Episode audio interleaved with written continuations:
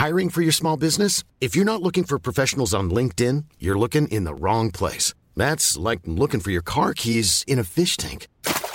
LinkedIn helps you hire professionals you can't find anywhere else, even those who aren't actively searching for a new job but might be open to the perfect role. In a given month, over 70% of LinkedIn users don't even visit other leading job sites. So start looking in the right place. With LinkedIn, you can hire professionals like a professional. Post your free job on linkedin.com slash people today.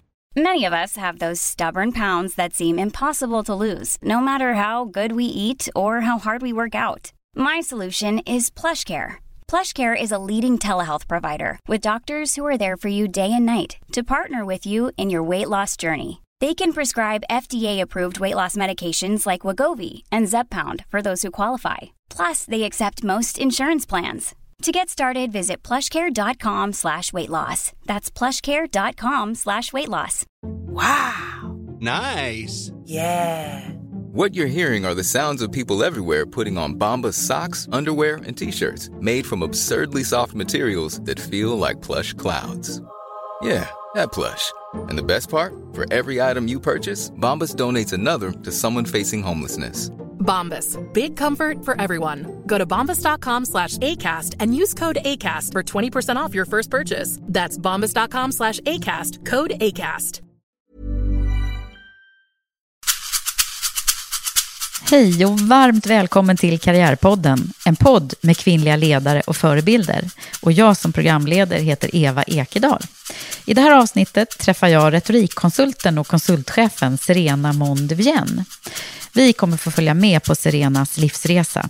Bland annat får vi höra om hur hennes uppväxt har påverkat henne, hur hon aktivt har sökt sig till mentorer och vad det har betytt vad hennes tid som professionell dansare lärde henne och hur allt det här har format den karriär hon har idag som chef på företaget Snacka snyggt.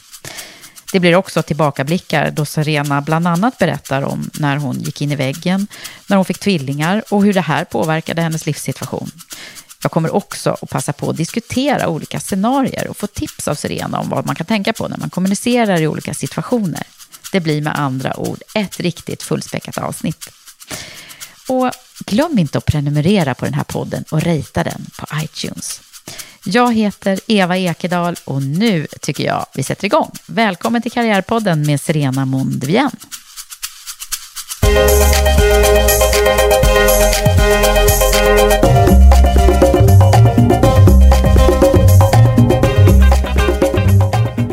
Serena Mondvien, välkommen till Karriärpodden. Tack. Det är så roligt att du är här. För jag började fundera på hur var det vi lärde känna varandra. Och det var så roligt, för det kom verkligen ett mejl farande i min mailbox, som jag, jag, nästan hade glömt bort att jag hade fått av dig. Som eh, av en slump råkade jag se det häromdagen. Så jag tänkte nästan att jag ska... Kommer du ihåg det eller? Ja, nu när du säger det så kommer jag ihåg det. För du mejlade till mig och beskrev och berättade lite grann om, om dig själv. Mm. Och det här är, det är inte så himla länge sedan faktiskt. Men, Vad är ett eh, år sedan? Det, det är drygt ett år sedan. Mm. Ett och ett halvt tror jag. Mm. Då skrev du så här, hej Eva. Jag växte upp med en mamma och pappa i en liten ort utanför Trollhättan som hette Vargön. Dialogerna vid matbordet var så gott som obefintliga och vi pratade liksom inte i familjen. Båda mina föräldrar lågutbildade utan vidare ambitioner i livet, ville mig väl men kunde inte erbjuda mig så värst mycket stöd. Därför är det inte så konstigt att jag ständigt sökt mig till andra vuxna för stimulans och vägledning. Jag har hela mitt liv livnärt mig på mentorer och det är tack vare dem jag är där jag är idag. De flesta personer jag headhuntat och själv frågat om, om jag får bjuda dem på lunch en gång i månaden och frågebomba dem med, mellan tuggorna. Och sen så beskrev du om vilka mentorer du har haft. Eh, och du skrev också att du har lyssnat på Karriärpodden och att det hade stärkt dig och att det var viktigt eh, för att du tycker att du fick personliga råd eh, som vittnar om eh, starka kvinnor och eh, som är förankrade och autentiska. Det var ju en jättehärlig grej. Jag minns inte att det var så ingående. Nej. Nej, och nu sitter du själv här. Är inte det ganska häftigt? Ja. Ja. För efter det så har vi lärt känna varandra lite grann. Mm. Eh, vi har anlitat dig bland annat i Women for Leaders ledarprogram Mm. och nätverk där du är och föreläser om retorik framför allt och härskartekniker och andra saker som du är så duktig på. Mm. Så tänker du kan gå va? Du sträckte ut en hand då. Vad säger du om det här då? Att det är ganska typiskt mig att jag skickade sånt här mejl, och nu sitter jag här. Ja. ja. Som jag skrev så himla ärligt i det där mejlet, så jag sträcker ofta ut hand när jag ser någonting som jag tror är givande för mig. Och jag brukar ofta sluta, det brukar ofta sluta med att jag är mitt i det som jag tycker är spännande. Så som jag är, så som blev här. Nu jobbar vi tillsammans, jag är här på Karriärpodden. Ja, men det är, jag tänker så här att eh, det blir det som man tänker ganska ofta. Om man vågar uttala något som du gjorde här också. Och, och liksom bara tjoade till mig och jag svarade. Eller du ringde sen också. Eh, du var på låg på liksom. lite, ja. Mm. Eh, så, så kan det mycket väl bli massa spännande saker. Men det också säger ju hur, egentligen hur enkelt det är att ta sig dit, dit en vill. Ja. Men det, jag tänker det är ju en kombination. Och jag tror det är det som har gjort att jag har tagit mig framåt hela mitt liv. Att, att jag vågar vara ärlig när jag också tar kontakt. För jag, nu när du skrev det så tycker jag att det var väldigt ärligt. Men det, det är precis så det är. Ja. Och eh, ibland så, så tycker folk att jag är konstig. Att jag är alldeles för privat. Eller folk undrar, men gud. Så, så, här, så här gör man inte i det här forumet. Men det är nog så jag har tagit mig framåt. Ja, men verkligen. Och nu ska vi få reda på hur din resa har varit så här långt. Berätta, hur började det? Du började som sagt var utanför Trollhättan. Mm. Där bodde jag i ett gult tegelhus med nummer 9 på väggen. 2500 kvadratmeters gräsyta. Och jag växte upp med, ja, som jag skrev, vi hade inte så mycket dialoger. Det var väl inte alls den här familjekänslan. Mm. Det det var, det var... Min pappa var ju väldigt auktoritär och en, använde sin pekpinne väldigt mycket. Det var mycket... Jag visste egentligen aldrig riktigt vad som gällde. Jag visste bara, okej, så skulle jag inte ha gjort. Så jag var väldigt rädd. Jag blev aldrig misshandlad eller något sånt där. Och jag hade det bra, jag hade kläder på mig. Men jag var alltid rädd hemma. Och det växte på något sätt med åldern också. För ju, mer, ju äldre jag blev, ju mer plats tog jag. Och ju mer kände att jag inte skulle ta plats helt enkelt. Mm. Och min pappa, han, han är inte jättekärleksfull. Han är inte... Han var inte... Han lever fortfarande. Men han, han, eh, han, han har ju ett driv, vilket jag tror att jag har fått av honom. Och han har ett intellekt som jag också har fått av honom, som jag är tacksam Det sitter ju ofta i generna. Men han var inte så kärleksfull och han var egentligen inte så intresserad av mig. Så jag höll mig ganska mycket själv och jag ville alltid bli älskad av honom. Det var liksom det mina dagar gick ut på. Mm. Sökte hans bekräftelse. Ja. Och jag, Såklart, det gör man ju Ja, men det är det liten. alla barn gör. Mm. Och så, så, men som sagt, jag tyckte aldrig det var tydligt. Nu när jag ser tillbaka så tycker jag fortfarande inte det var tydligt. Vad var det som gällde egentligen? Jag tror det var ganska mycket känslostyrt från hans sida. Och sen så hade jag en mamma som inte alls var så mycket för regler och ramar, utan det var bara, in, det fanns inga väggar, det var liksom allt, allt gick okej. Hon var ju väldigt kärleksfull och väldigt mån om sin dotter, men kanske inte mån om, vad ska man säga, intresserad av mig som person. Hon var väldigt mån om mig som dotter och tog verkligen hand om mig och fanns för mig i det praktiska, men jag tror aldrig hon riktigt... Men jag upplever att hon kanske aldrig riktigt såg mig eller har sett mig. Mer än sin dotter som hon älskar extremt mycket. Men det gjorde ju att eh, pappa hade jättemycket förhållningsregler och regler. Och sen så hade mamma som inte hade någonting alls. Förutom en stark rädsla för pappas ilska. Så att hennes regler bestod ofta av en förlängd version av pappa. Det var liksom, så får man inte göra, för då kan pappa bli arg. Ja, ja, okej. Mm. Vilket gjorde att jag däremellan var jag och försökte nästan göra mig osynlig fast jag egentligen bara ville bli sedd. så det är en väldigt konstig konflikt. Och det där är ju säkert inte alldeles ovanligt. För jag menar, vi är ju, Ganska vanligt. har ju oftast föräldrar som eh, kanske har lite olika, både personlighet och, och eh, förhållningssätt. Liksom. Mm. Så har jag det också, tror jag, haft det. Att, att man, eh, ja, man, och så är det ju där man knyter an på olika sätt när man är liten. Mm, men du har ju, det här har ju gett dig en massa, eh, tänker jag, det som du faktiskt jobbar med nu då? Att du är ute och undervisar eh, Ja, kring men det här? verkligen. Alltså det, det jag inte hade, det var ju någon självkänsla. Jag hade bra självförtroende och det sa ju väldigt många, alla, de flesta runt omkring mig och jag fick höra i skolan alltid att jag var så självständig och så modig. Och det är klart jag var självständig, för jag hade inte så mycket val.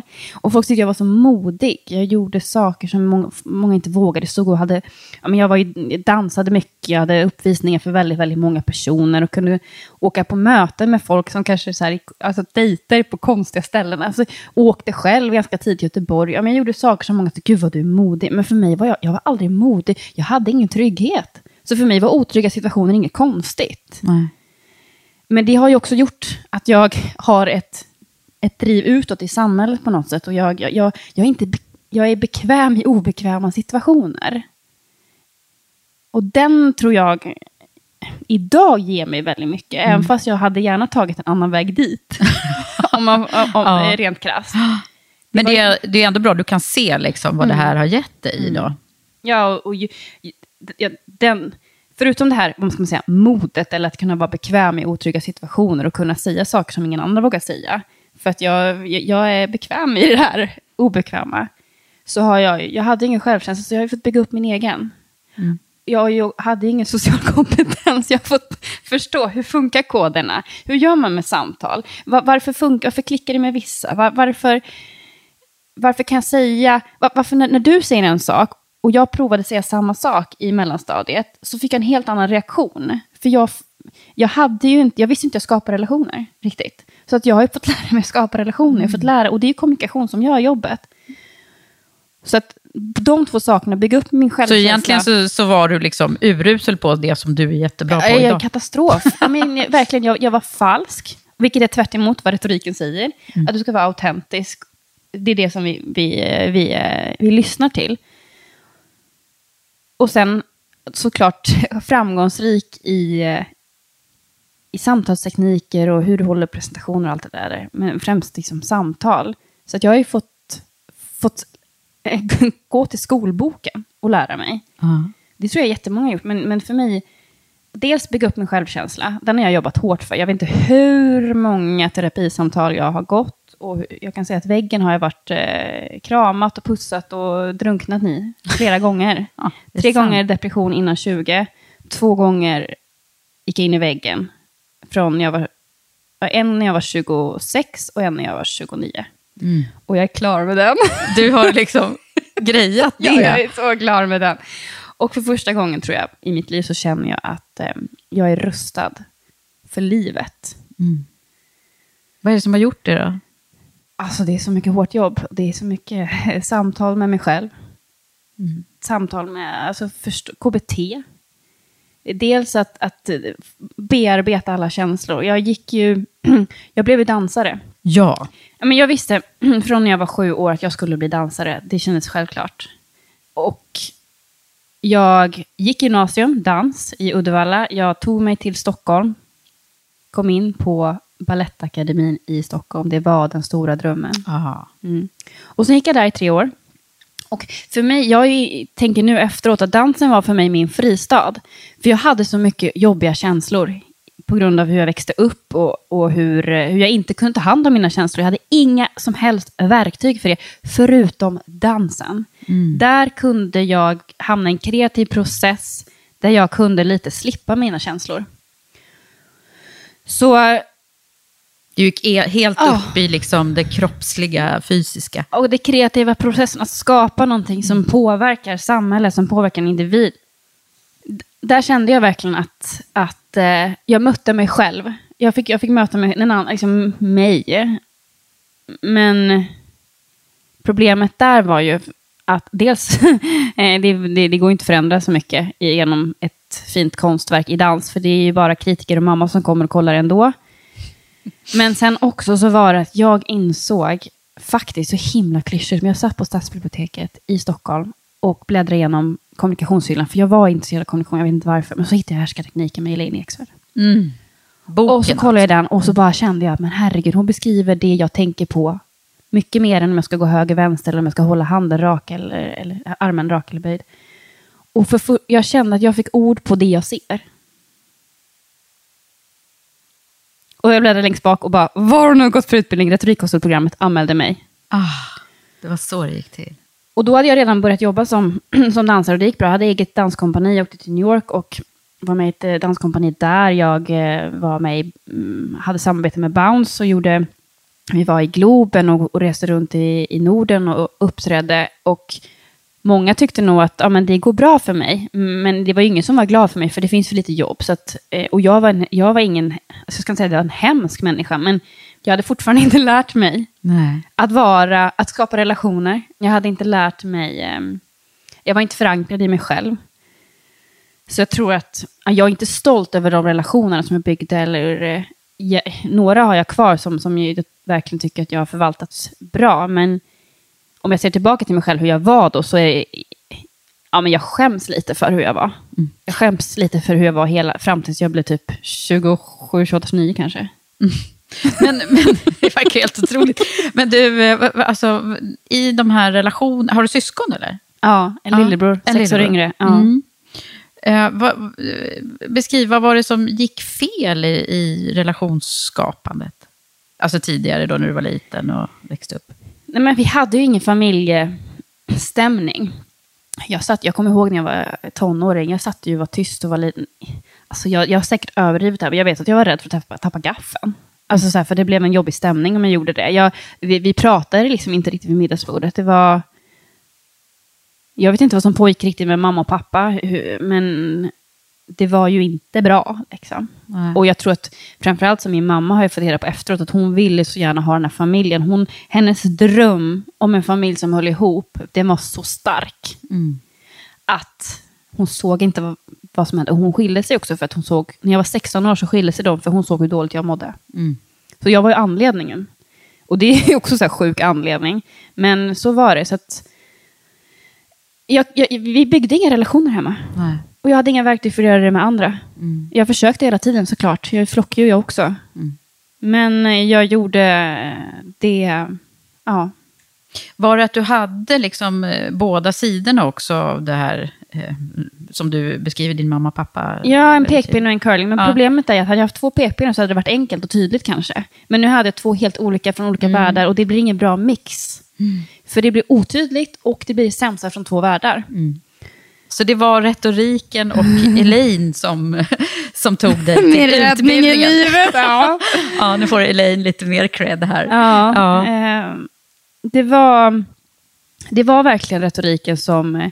Det är så kul, för retoriken uppfattas ju ofta som manipulation eller att man ska lura eller på något sätt bli någon annan. Men för mig var det ju verkligen väg till mig själv. Och det har ju varit en jättelång resa med...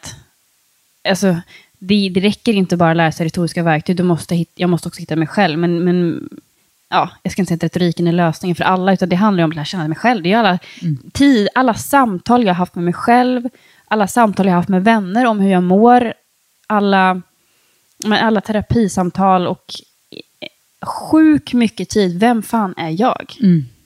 Vad coolt, det här skulle ju egentligen alla behöva göra, men eh, alla gör det på olika sätt såklart. När man liksom hittar sin, på något sätt, sin, eh, sin inre kompass pratar vi ju jättemycket om här. I, för det, det är det du beskriver lite grann, att liksom så här, ding, innan man liksom har, eh, pendeln har liksom slagit eh, rakt på något sätt. Då började du på, på studierna där. Hur gick det då, då liksom, under den här resan? Kan du, kan du Ja, men det gick ju bra. Alltså, jag hade ju två saker som var framgångsrika. Jag hade ju dels en, en arbetsmoral, vad man ska säga. Alltså, jag ville jobba hårt och det var många unga som, som gick med mig som tänkte mig att jag kan bara glida igenom där och så få ett toppjobb. För mig var ju det, det hårt jobb som gällde. Plus att jag var ju modig. Det vill säga att jag vågade hålla tal och, och eh, ja, jag vågade inte vara dålig inför andra, så det var ju ett eh, problem. Men jag vågade, jag vågade ändå. Det där modet, vad, vad liksom, har du kunnat identifiera var det kommer ifrån? Eh, Jag tr- tror att drivkraften har jag nog fått genetiskt från min pappa. Tror jag. Han, har, han har ett driv framåt. Han gillar inte att sitta still. Men modet, jag har ju alltid varit, jag tycker inte själv att jag har varit modig. För, för mig är modig att visa sårbarhet och det har jag aldrig gjort. Jag har utsatt mig i situationer som kanske uppfattas som läskiga. Men för mig att, det är först nu som jag blivit modig. Du sitter ju här och berättar allting. Ja. Ja, men det, det, det, att sitta här i podden för mig inte var modig, men att våga, våga, våga vara dålig. Och våga säga fel, alltså våga göra saker som jag känner att det här är sårbart. Det är för mig mod. För att vad jag har gjort hela mitt liv innan jag på något sätt hittade mig själv. Alltså, så- jag ska inte hitta mig själv. Men innan jag eh, lärde känna mig själv och kunde finnas för mig själv. Så har jag vågat, jag har visat mina resultat. Kolla här vad jag har lyckats. Men det att jag inte vågat att någon ska vara med i processen. För där kan jag, jag ju visa hur, hur jag tänker fel och hur jag gör konstiga saker och hur jag inte alls har samma, samma tänk, processer som andra. Så att jag har aldrig vågat inkludera folk i processer. Generellt. Det är nu jag börjat våga göra det. För att eh, jag har varit rädd för kritik och rädd att man ska... eh, För där har jag känt mig sårbar. Var det här något uppvaknande liksom, eh, för dig? Hur menar du? Nej, men jag tänker, eh, var det så att eh, det var någon händelse eller någonting som du kan, som du kan berätta om? Nej, men jag insåg ju det när jag började jobba hårt med mig själv. Framförallt när jag stötte på väggen i mer vuxen ålder. När frontalloben var färdigutvecklad vid 25 års ålder. Och jag eh, insåg att okej, vad är det som är problemet? Varför? För jag trodde att jag var klar med min barndom. Eh, Och första gången jag gick in i väggen när jag var 26, då var jag inte klar med min barndom. Då hade jag mött eh, min eh, nuvarande man och fick se mig själv. Jag kunde inte gömma mig i gamla strategier. Jag kunde inte gömma mig och bara gå in och dansa så fort jag fick en jobbig känsla. Utan jag fick, jag, jag, jag blev, jag fick en spegelbild. Och då, insåg, och då var det en så här rensning. Men sen så gick jag in i väggen igen sen vid 28-29. Men då trodde jag att jag, oj herregud, jag var inte klar. Men det var jag. Jag var klar. Men jag hade, nu var nästa steg att hitta mina gränser. Vad är jag, vad är inte jag, vart går mina gränser? Så det var inte svar på din fråga, men det var där vi hamnade. Ja, men du, eh, vad, det här med att gå in i väggen, vad, berätta vad var det som hände första gången? Ja, vid 26 års ålder, då var det ju att helt plötsligt så började det, ja det, det pågick ju ganska i några månader, men jag började se skimmer och jag började få minnesförluster och började sova dåligt. Mm, Alla de här fysiska Ja. tecknen. Eh, och när det, liksom, när det verkligen så här bam, då, jag sov inte på en månad. Jag kunde inte sova. Min hjärna gick i högvarv. Hela tiden i över en månads tid.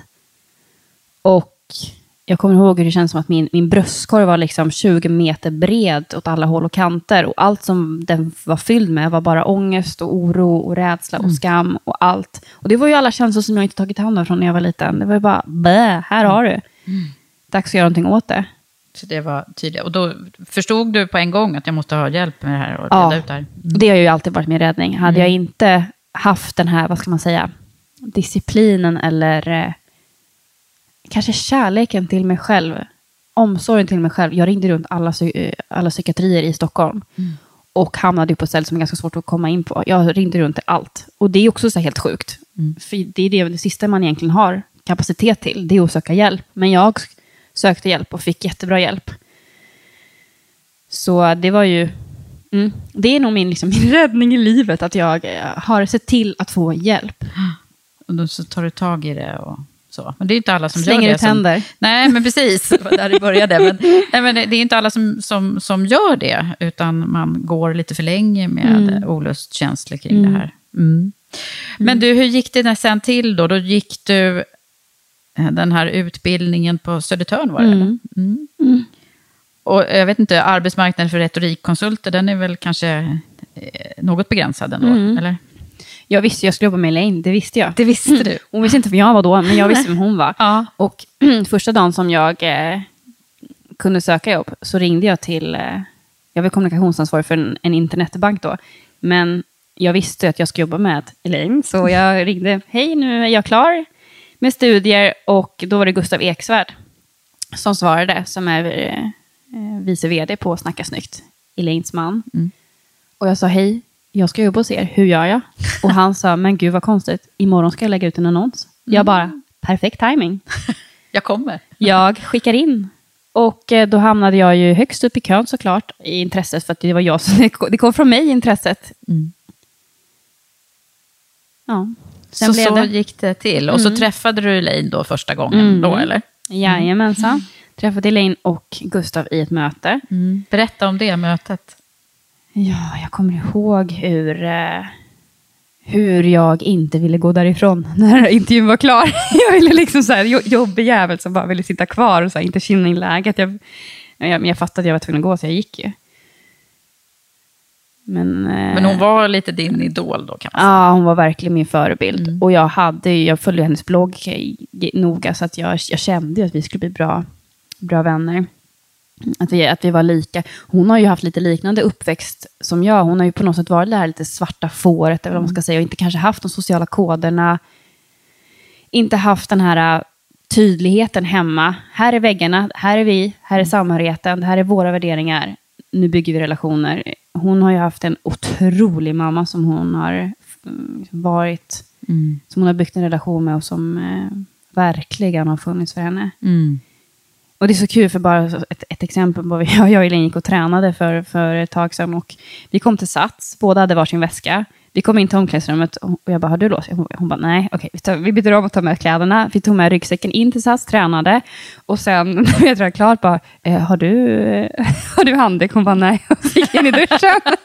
Eh, eh, både gick in på toaletten och torkade av sig med liksom papper. Och det är så små saker som vi gör, som på något sätt så här, det är så vi har levt. Ja. Och det, för vi har på något sätt varit inte, lite våg för vinden, sådär. Lite, lite bara Ja. få klara sig själva. Och, och, ja. Och nu står ni där båda två på olika scener. Eh, Eller har ni gjort något samtidigt någon gång? Mm, ja, vi gör ju... Eh, vi har inte gjort någon gemensam föreläsning, men vi är ofta med på varandras föreläsningar och eh, pratar och är med och hjälper i publiken om det är någon som har frågor. Och, Och ge varandra feedback också? Vi har ju möten hela tiden. Ja. Och oj, oj, oj, ja, vi ger varandra feedback varenda vecka. Vi är jätteolika. Jag trodde ju att vi skulle vara jättelika när jag såg henne på bloggen, men vi är ju extremt olika. Men vi har samma grundvärderingar, fast eh, vägen dit är helt olika. Och våra roller är helt olika. Du är ju konsultchef eh, på Snacka snyggt nu. Mm. Eh, Hur gick den resan till då? För det var inte det jobbet du började med? Nej, jag var retorikkonsult och jobbade... Ja, jag hade väl tre, fyra föreläsningar i veckan. Jag visste inte vilken stad jag var i. Jag bara, hej!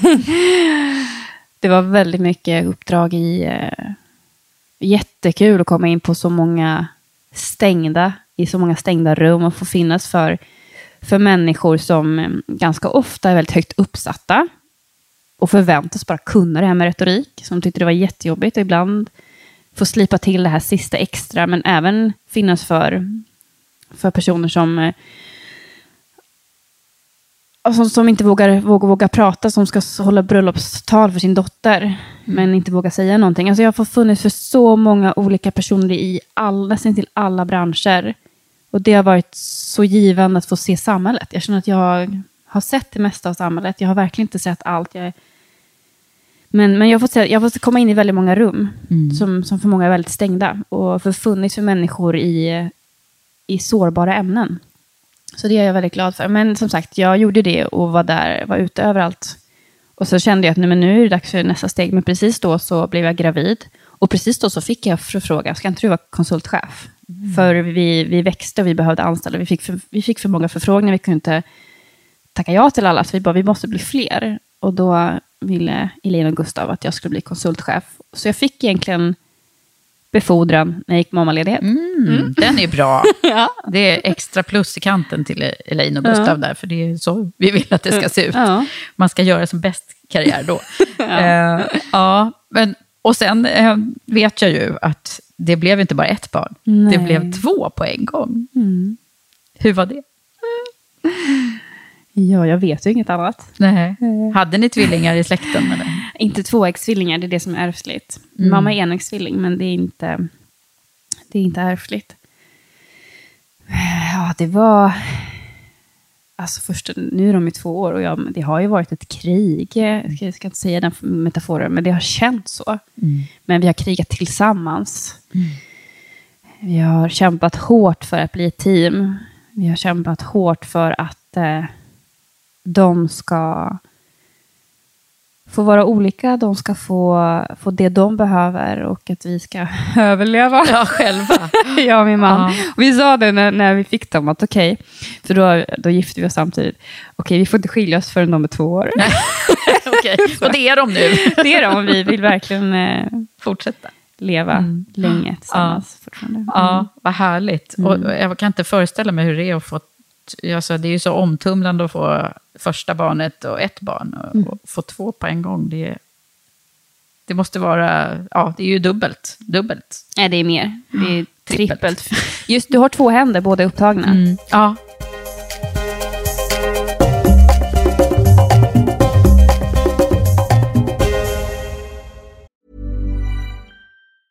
When you're ready to pop the question, the last thing you want to do is second guess the ring.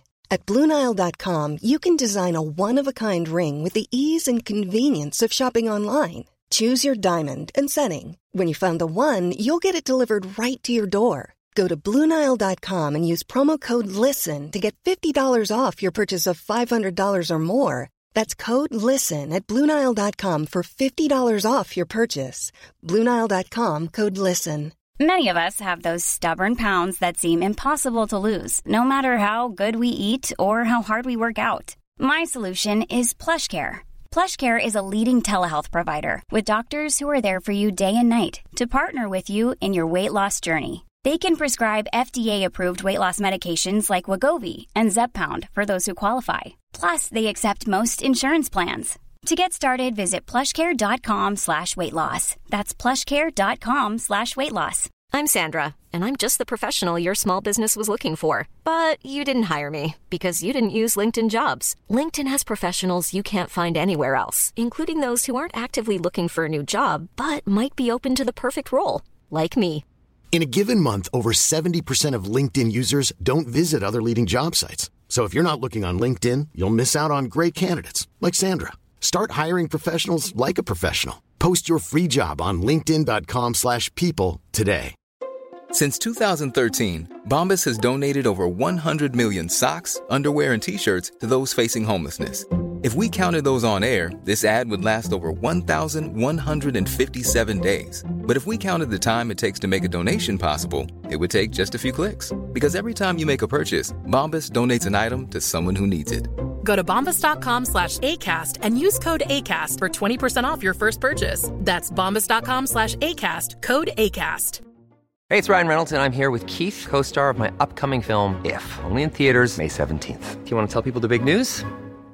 All right, I'll do. Sign up now and you'll get unlimited for $15 a month in six months of Paramount Plus Essential Plan on us. Mintmobile.com slash switch. Upfront payment of $45 equivalent to $15 per month. Unlimited over 40 gigabytes per month. Face lower speeds. Videos at 480p. Active Mint customers by 531.24 get six months of Paramount Plus Essential Plan. Auto renews after six months. Offer ends May 31st, 2024. Separate Paramount Plus registration required. Terms and conditions apply if rated PG.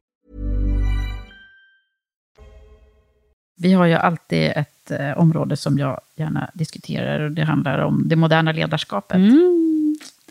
Det är ju favoritämne för dig också va? Mm. Mm. Vad, vad, vad tycker du, vad, när jag säger det moderna ledarskapet, vad tänker du då? Då tänker jag att det handlar eh, väldigt lite om hard skills och väldigt mycket om soft skills. Mm. En klok eh, person sa till mig att ehm, jag kan inte, som är utbildningsansvarig på ett stort företag, att jag kan inte... Jag kan, om, jag, om jag får mm, min personal att fokusera för mycket på hard skills, då är inte vi framtidssäkra. För ingen vet riktigt vad, vilken kunskap som kommer behövas om fem år. Det jag vet kommer behövas, det är två saker. Det ena, förmågan att lära sig snabbt. Och det andra, det är social kompetens eller kommunikation. Det är de enda två sakerna som är garanterade vi kommer behöva i framtiden. Mm. Så de sakerna måste du kunna i det moderna ledarskapet. Och lä lära ut, fokusera på. Mm. Så rätt, och då är ju du i rätt uh, gebit nu, för det är ju det det handlar om. Mm. Soft skills. Jag med, det var ju tur. Eh, men du, eh, vad, när vi pratar ledarskap och, och, din syn på det, hur är du själv som chef? Jag eh, pendlar hela tiden med att hitta mina värderingar i mitt ledarskap. Så det var ju svaret på värderingsstyrt ledarskap. Mm. Och jag tror att det som, det som jag ser, jag utbildar ju mycket i retorik för ledare. Och det jag ser det är oftast egentligen samma sak som, som hände i, i mitt hus, där jag är uppvuxen. Då ska jag peka med hela handen eller ska jag krama? Alltså mm. hur, hur ska jag förhålla mig? Ska jag vara mjuk? Ska jag vara hård? Ska jag Ska jag vara fast med mitt beslut eller ska jag vara lyhörd? Att kunna, kunna den pendeln och inte vara förutbestämd. Alltså att, för din är olika. Alltså när vilket passar. Det finns såklart rekommendationer när det passar sig att hålla vid sitt beslut, när det passar sig att, eh, att lyssna. Men det är väldigt många situationer där det inte finns tydliga riktlinjer, utan det är dina värderingar som måste styra. Du måste kunna peka med hela handen, du måste kunna stå för hela vägen och samtidigt vara lyhörd, ta hand om allas reaktioner och fortsätta vägen framåt. Sen måste också kunna finnas för gruppen när det, när det behövs och vara lyhörd och låta dem bestämma. Så att den här pendeln, att dels kunna båda saker, men också att hitta sin, sin när ska jag välja vilket? Och det baseras på vilka värderingar du har. Mm. Och då tänker jag att det är ju superbra, du har ju liksom kontakt med båda de här sidorna hela tiden. Det gäller bara att veta liksom vilken, vilken sida du ska välja Ja. när. Mm. Men det är, ett, det är ett konstant jobb. Ja. För mina, mina värderingar tar sig olika uttryck beroende på situation, beroende på person. Mm. Så att ledarskap blir aldrig klart.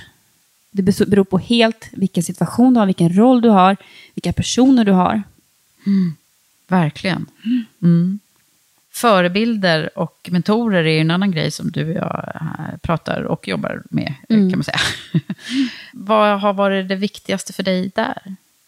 För dig själv, liksom. Alltså, jag menar inte personer, utan vad, vad är det som en, eh, en förebild eller en mentor ger dig? För du har haft flera. Mm, det är så jag på något sätt livnärt mig. jag, ehm, jag vill ställa en följdfråga. Jag har så många alternativ här. Okej, du får ställa frågan, eller? Mm. Okej. Vad, eh, vad en mentor är för mig. Det handlar egentligen om att finnas för en annan person. Och jag tror inte på att en äldre person ska vara en mentor åt en yngre, att det är enda mo- modellen. Jag tror att ett, ett, eh, det handlar om att finnas för en annan person. Det är egentligen en ren coachning, om man ska hårdra det. Men att kunna lyssna, kunna se behovet bakom, kunna hjälpa dig lyfta fram saker som du inte själv ser, eller, eller kanske konflikter i det, det du pratar om.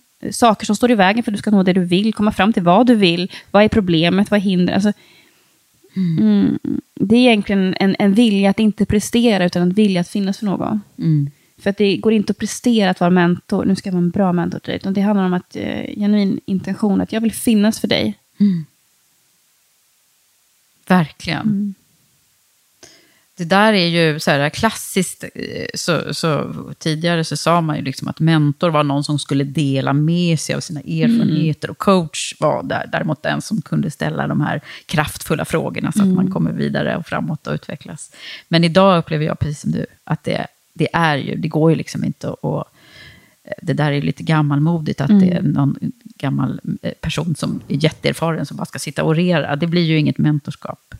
Nej, och det ska heller inte vara en coach. För det ska vara den här blandningen. Att eh, jag kan gå in och, och coacha, kartlägga och sådär, men jag kan också bara, skärp dig. Hur- Alltså jag kan ge de här örfilarna. När jag tycker att det är kärleksfulla örfilar. För att jag tror att jag är mån om att du ska komma framåt dit du vill. Så jag vågar också säga till dig, när, när du har snor i näsan. alltså, jag vågar säga saker som kanske du kommer tycka är riktigt jobbigt. Men jag gör det av ren välvilja. Så länge man har det så är det ju helt okej, ja. tycker jag också. Så länge det gynnar personen. Liksom. Eh, ja, nej men det där, jag själv har ju då varit mentor, coach och terapeut, så för mig är det ju så här, jag får ju verkligen så här, mm, försöka navigera i det här. Det, det är jättespännande och ganska svårt.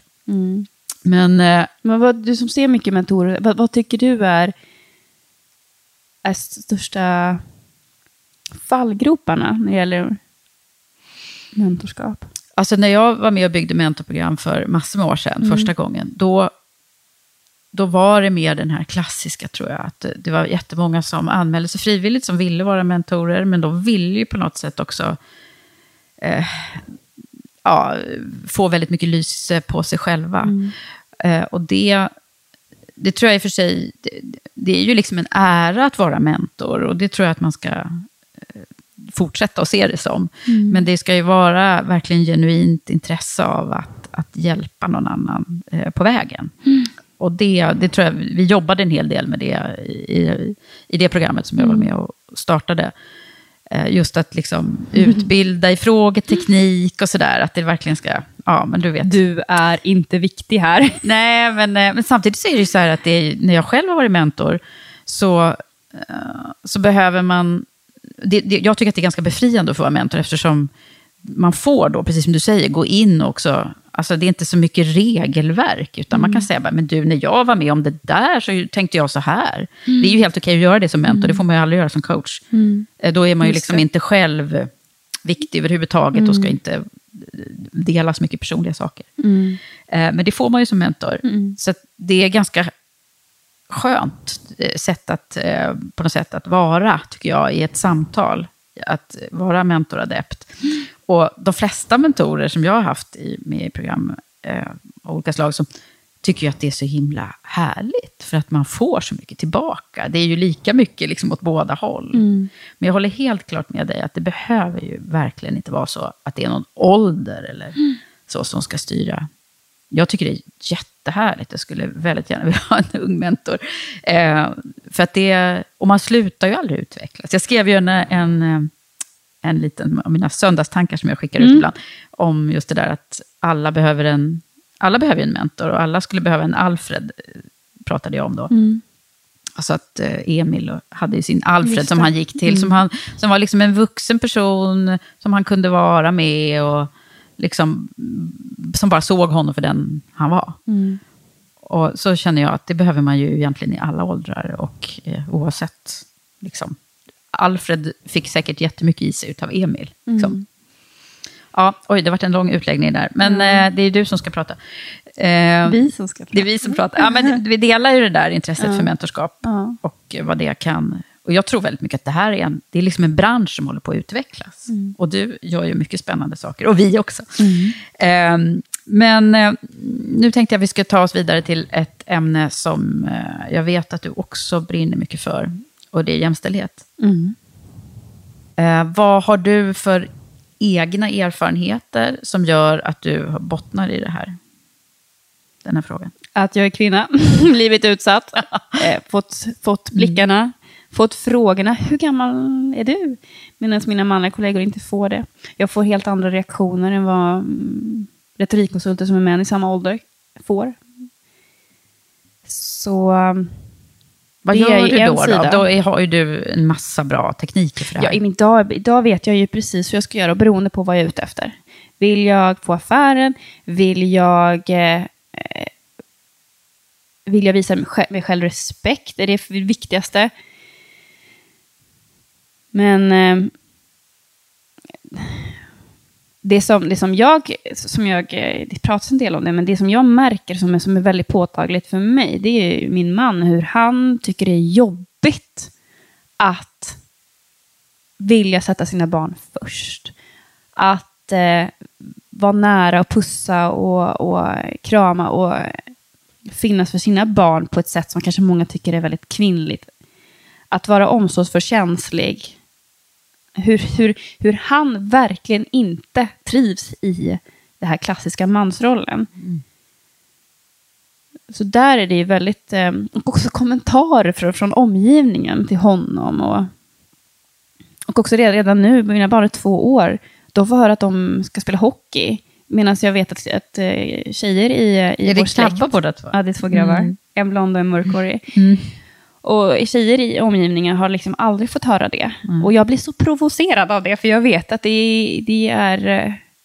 eh, För mig är jämställdhet att... eh, Det är egentligen att se individer. Det är, och och, och det, det, det finns skillnader biologiskt, så är det bara. Men, om vi, men jag kan amma, det kan inte min man. Han är ledsen över det. Jag kan gärna se att han kan föda istället. Men, men vissa saker är bara, och det finns hormoner och det finns jättemycket saker som är bevisat är olika i rent hormonmässigt och biologiskt, bla bla bla bla. bla.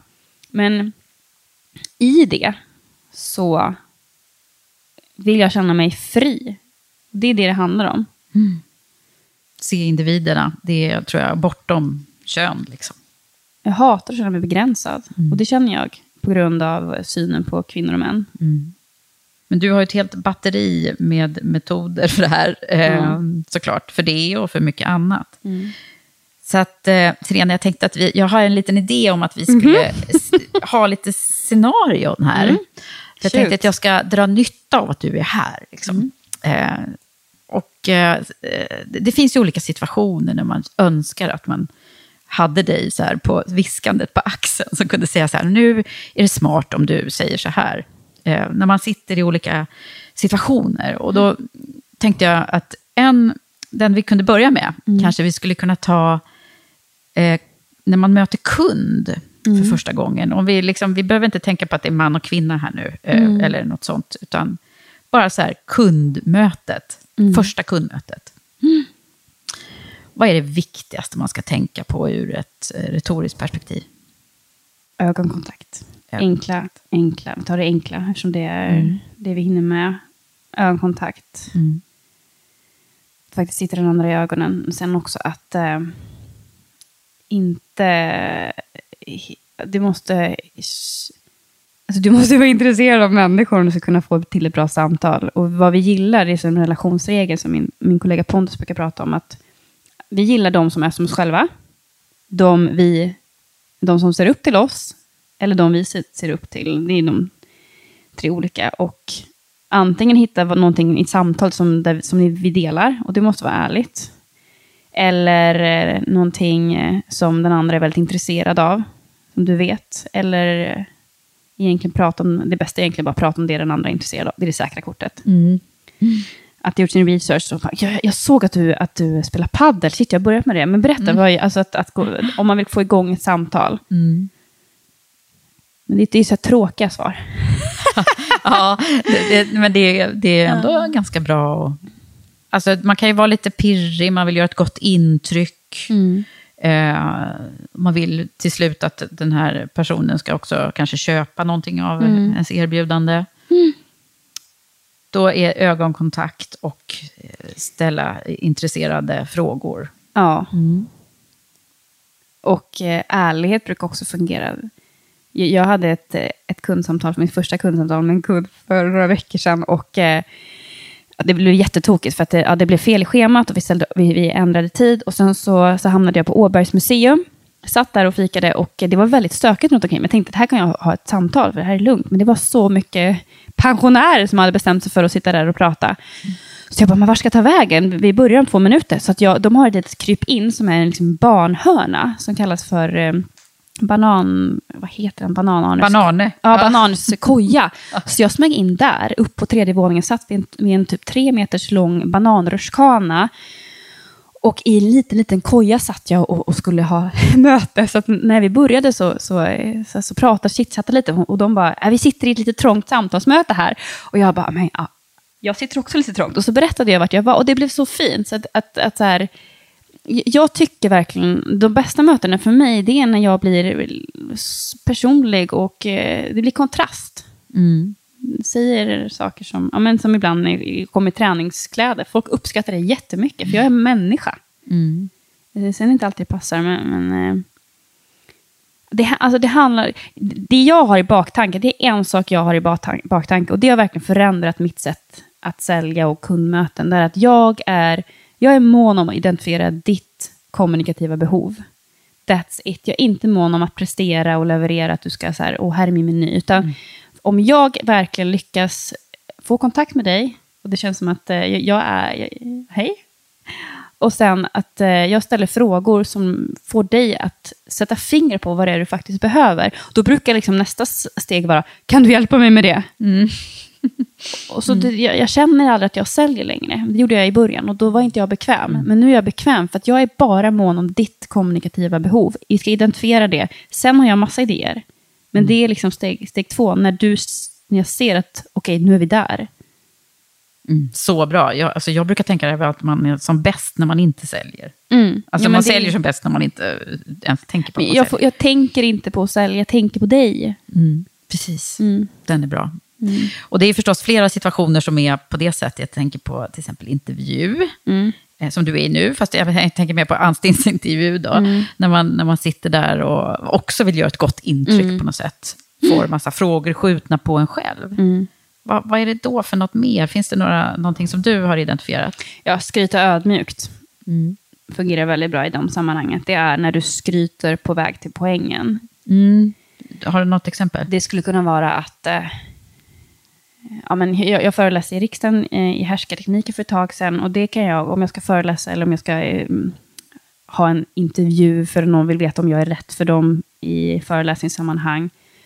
Så kan jag, eh, när vi pratar om någonting, så kan jag säga, men som när jag föreläste för riksdagen för några veckor sedan, så eh, det började med att de inte visste om det fanns någon härskarteknik. De tänkte, men det, det finns nog inte. Och sen så när de förstod vad det var och började identifiera, vad är det? Då tyckte de att, eh, oj, vi har många. Ibland är det så att vi vet inte att de finns förrän vi vet vad en härskarteknik är. Och då lyfte jag upp en relevant poäng. Och det är det som är hela tekniken, att teknik, alltså poängen måste överglänsa, eller helst, den måste kännas så relevant att inte namedroppningen eller erfarenheten eller resultatet känns som det största. Så att eh, genom att ja, skryta på väg till poängen, då nämner jag en erfarenhet, ett resultat eller vad det nu än är. Men relevanta känns så självklar, eller poängen känns så självklar och relevant. Mm, det. Och det är liksom inte själva de bra sakerna man berättar som är poängen. Det är det du Så säger. det handlar egentligen om att så här, identifiera vilka saker vill jag, vill jag lyfta och trycka på. Vad har jag för relevanta poänger som kan bli aktuella? Mm. Jag, har ju liksom, jag vet ju att många tycker, oj, jag har föreläst för riksdagen, de tycker att det är eh, trovärdigt. Och så jag har tusen olika, inte tusen, nu ljög jag. Jag har kanske 20 olika ingångar med vad, vad någon sa, vad som hände, vilka tankar som förekom, eller förekom under, eh, under de timmarna där jag var där. Som jag kan lyfta när jag... Så det gäller att samla på sig en ryggsäck som du kan använda för att skryta ödmjukt. Skryta ödmjukt. Ja, det ska man göra i intervjun. Och så tänker jag, det finns ett annat scenario. Det är när man ska ställa sig upp och hålla ett tal. Eller man ska vara på scenen och föreläsa. Där har ju du förstås jättemycket erfarenhet. Vad, vad är dina bästa knep då, då?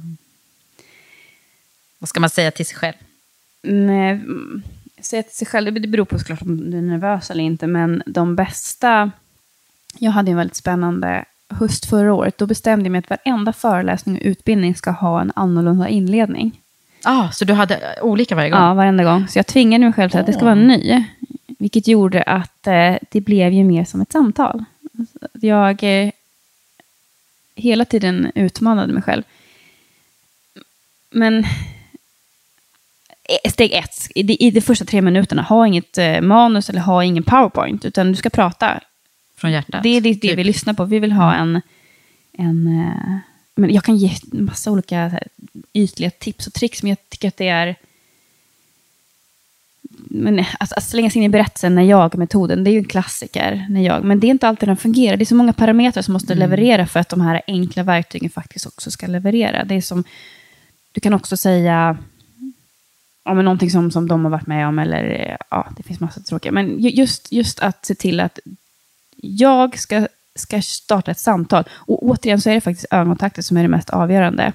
Och det finns som vi kallar för tre sekunders regeln. För att, för att få känslan av att du är närvarande på scen så behöver du se de du tittar på tre sekunder i sträck. För att ni ska få någon slags kontakt. Och det, då händer någonting med, med oss och hur vi pratar.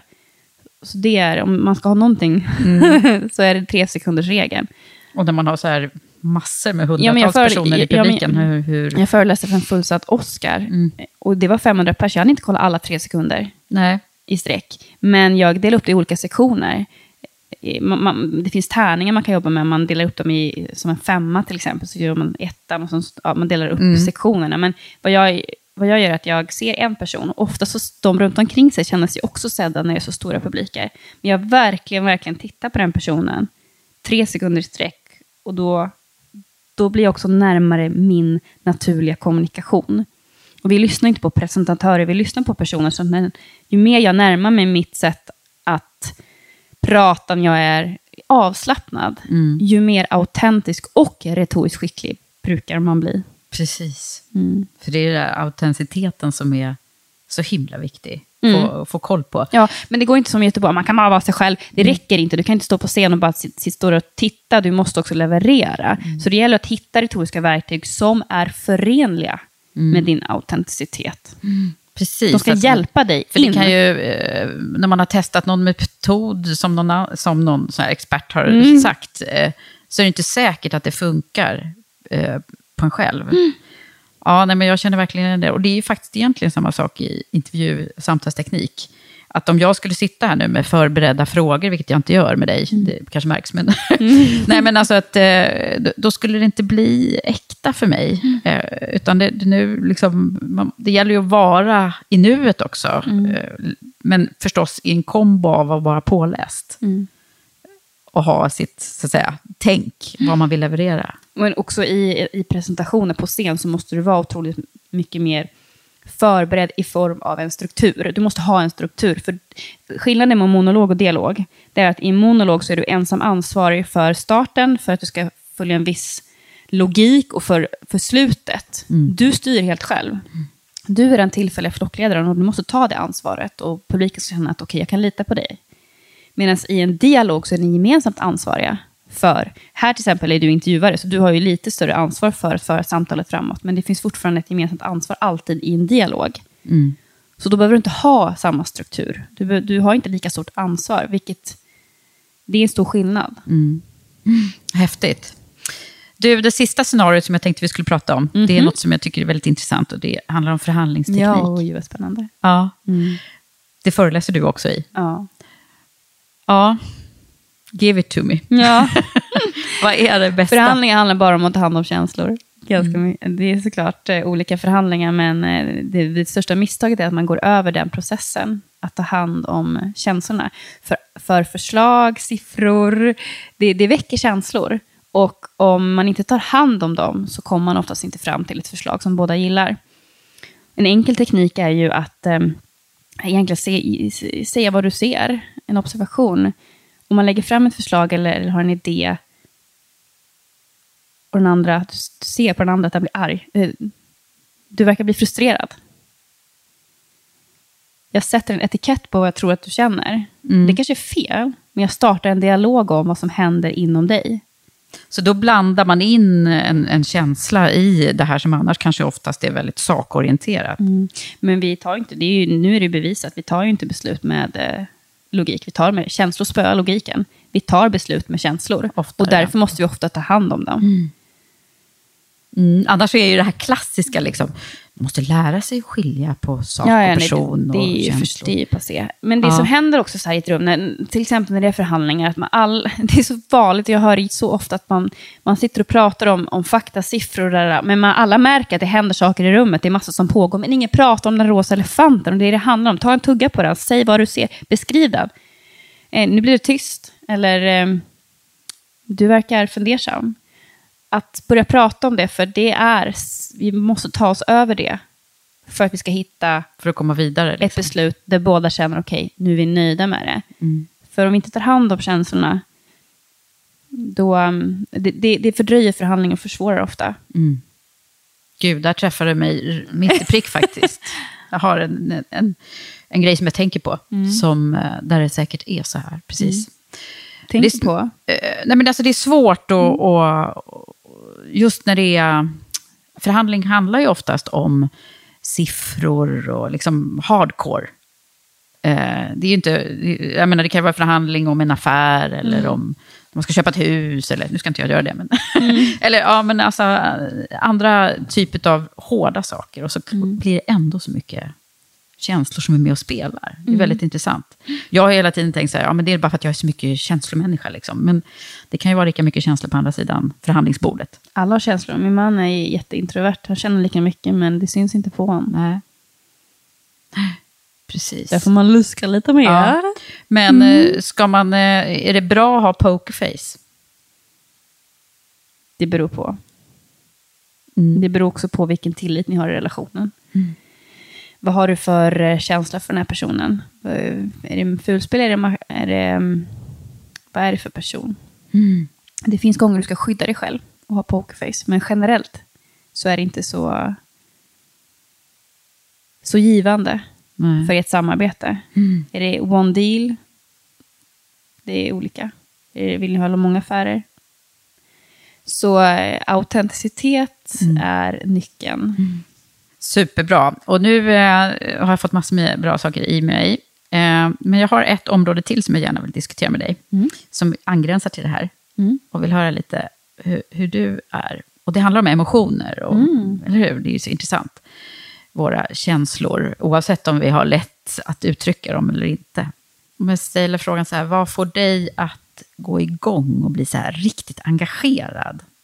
När eh, jag ser någonting som ingen annan ser och jag ska sätta ord på det och skapa kommunikativa verktyg för det. Det här eh, nyskapandet som eh, jag har jobbat jättemycket med eh, en, att skapa en kurs i samtal för att det är vad jag ser är liksom framtidens shit. Att vi måste kunna ha samtal. Vi, vi, vi drunknar i dialoger. Vi hamnar i dem och vet inte riktigt vart vi är på väg, hur vi tar oss, hur det blir framgångsrikt. Så när jag, när jag upplever att jag ser någonting som jag känner, men herregud, ser ingen annan det? Då, då går jag igång. Oj, oj, oj. Vad får dig att bli riktigt arg då? När jag upplever att jag blir eh, medvetet missuppfattad. Den är bland det värsta jag vet. När jag... Ja, men det, det är min värsta grej. Att, bli, att jag känner att någon missuppfattar mig lite medvetet för att använda det mot mig. Det... Jag brukar ju vara... Ja, men... och då blir jag verkligen inte mitt, den bästa retoriska versionen av mig själv. oj, oj. Det, har- det har hänt att när någon har gjort det med mig så har jag i, i min tugga med mat har jag börjat spotta ägg och skrika du är fan dum i huvudet. Alltså jag kan, det, det, det är liksom, då ser Ja. jag rött. Så det, det finns mycket sådana tendenser hos Ja, dig? ja, ja. Eh, Det går inte att slipa bort. Nej. Vad får dig att bli eh, rädd? Um, oj, oj, oj, sjukdom. Eh, jag är rädd att jag ska förlora tid med min familj. Det är eh, det som får mig allra mest rädd i, i livet. Och ledsen? När blir du det? När var du senast ledsen? Jag kan bli ledsen när, när någon är, som är nära mig, när jag känner att okej, den här personen kommer inte utvecklas för att nå det den vill. Det kan vara att personen är ja, men, rädd för att misslyckas och vågar inte eh, söka sig till vissa jobb som de vill, eller eh, är allmänt bitter och eh, fokuserar därför, alltså blir ett offer. Och, och istället för att börja ta steg mot det som jag tror att den här personen tycker är viktigt. Det, kan jag, det, eller det är mer uppgiven, fast jag är, det är verkligen en sorgsenhet som jag tycker är ganska jobbig, för jag är helt maktlös. Eh, det, ja. När man inte vet vad man ska göra liksom. Mm. Men så här, personlig sorgsen, jag, blir jätte, jag kan ju bli jättepersonlig sorgsen när jag tänker på mig själv när jag var liten. Hur mycket jag missade, hur, hur, hur jag, alltså jag är ju liksom uppvuxen i Sverige, jag är så otroligt privilegierad. Det är många som inte alls har allt som jag fick. Jag menar, jag har en skola som, som, som visade mig saker och som så här gav mig mycket verktyg och um, tekniker och strategier och, och lärde mig otroligt mycket. Men, men just när jag insåg att jag missade så mycket bara för att få vara, ja, det, det är nog en sorg som aldrig kommer gå över, som jag kommer komma till då och då. Men den tar inte över idag. Så. Ja. Bra. Du, eh, begreppet karriär är ju något som vi också brukar prata om här i podden. Så jag tänkte du ska få identifiera det. Vad, vad Och jag- betyder karriär för dig? Det är så himla kul att jag sitter... Jag, jag har ju jag har ett motstånd till ordet karriär. Mm. För mig är det liksom... vad, är, vad är det? Karriärpodden. Ja, men vad är det? För mig är det liksom livet. Eh, livet är bara livet. Karriär, okej, det är vad jag arbetar med. Så här. Jag, all, jag tror att anledningen till att jag har ett sånt motstånd, det är vad det innebär för många människor.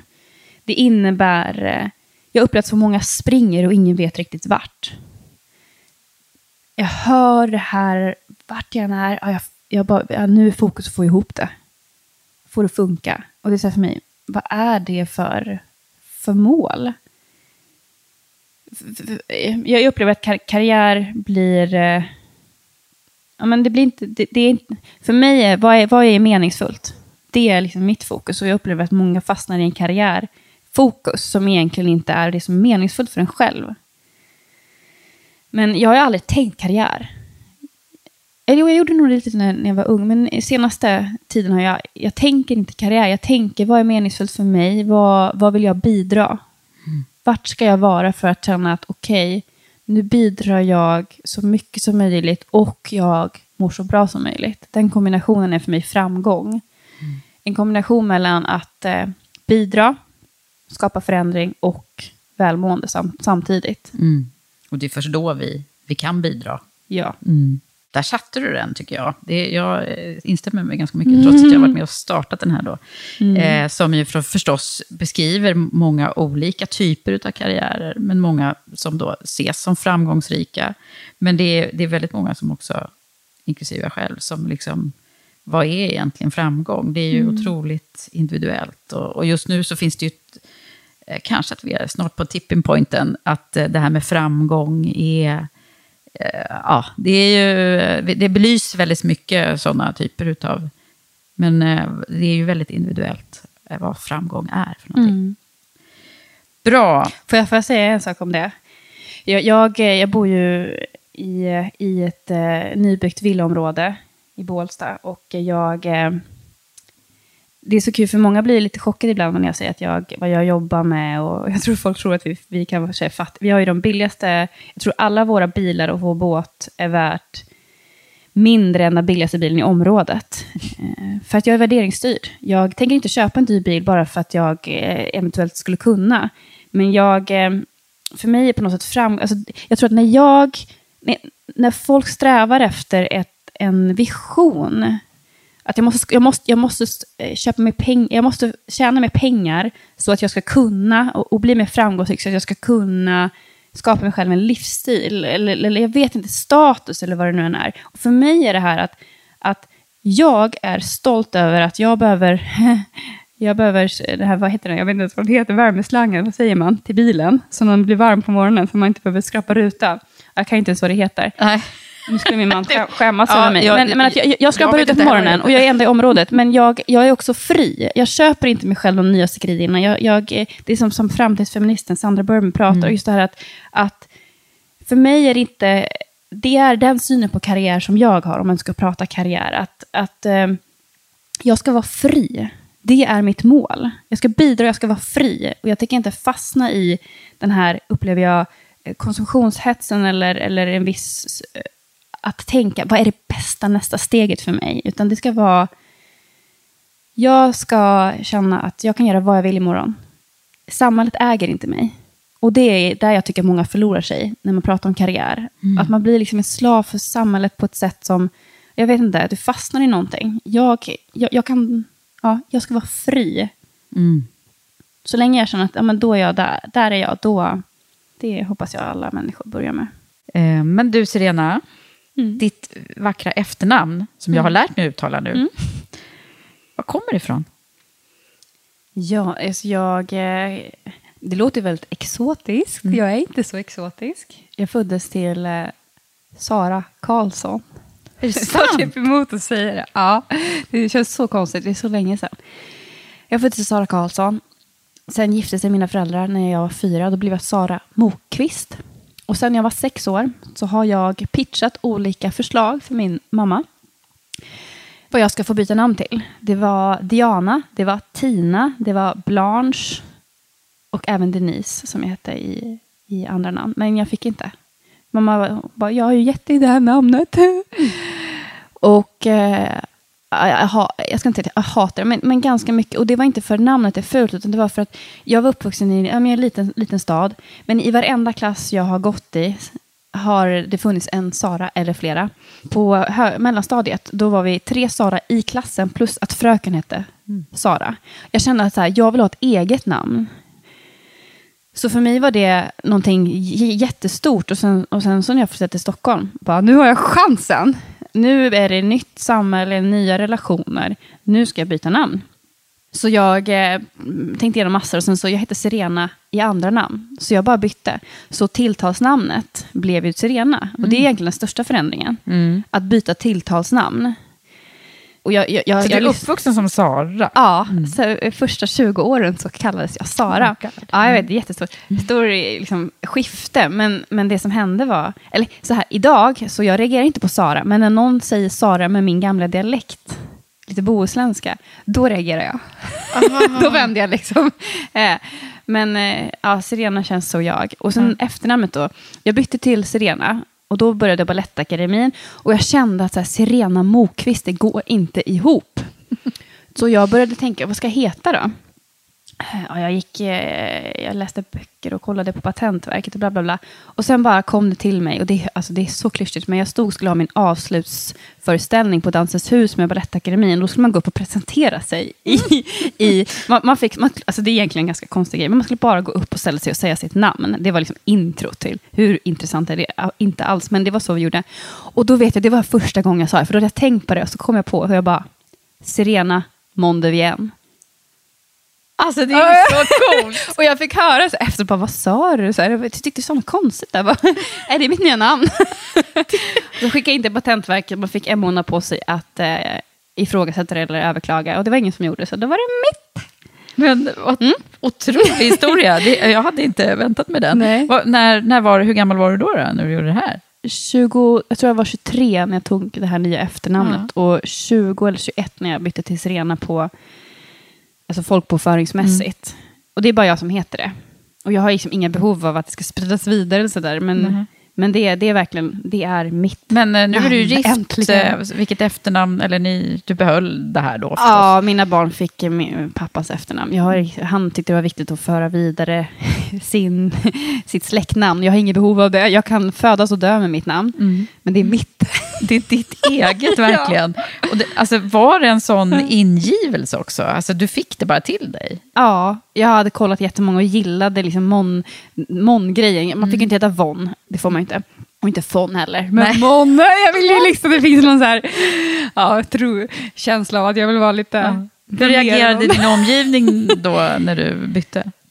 Alltså det var inte så stor grej när jag bytte efternamn. Förnamn var mycket större. Min mamma hade ju tatuerat in S på sin axel. Men som tur var så byt- bytte jag från Sara till Serena. Det var ju tur. Ja, det var tur för henne. ja, gud. Ja. Härligt. Tack snälla Serena för att du har varit här och delat dina tankar med mig. Tack. Stort tack till dig som har lyssnat på det här avsnittet med min gäst Serena Mondevien. Jag tycker det är väldigt roligt att det är så många som följer och hejar på oss. Med det sagt vill jag såklart flika in att du gärna får sprida det här avsnittet till någon som du tror skulle tycka det var intressant. Prenumerera på podden och rita den gärna. Dessutom har du kanske hört att vi är så glada för vårt nya mentorprogram i Women for Leaders som vi gör i samarbete med Svensk-amerikanska handelskammaren i New York, SAC New York. Det här är ett skräddarsytt mentorprogram som är riktat till kvinnliga ledare som vill växa och samtidigt bygga ut sitt internationella affärsnätverk. Du kan läsa mer på womenforleaders.com och ansökan är öppen. Det var allt från Karriärpodden den här gången. Jag heter Eva Ekedal. På återhörande.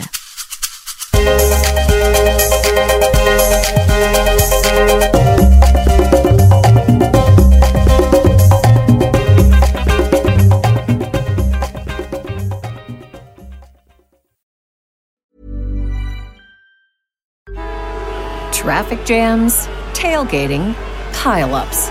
Ugh, the joys of driving. How could it get worse? The federal government wants to have a say in what you drive. That's right. The Biden administration's EPA is pushing mandates that would ban two out of every three vehicles on the road today. Don't let Washington become your backseat driver. Protect the freedom of driving your way.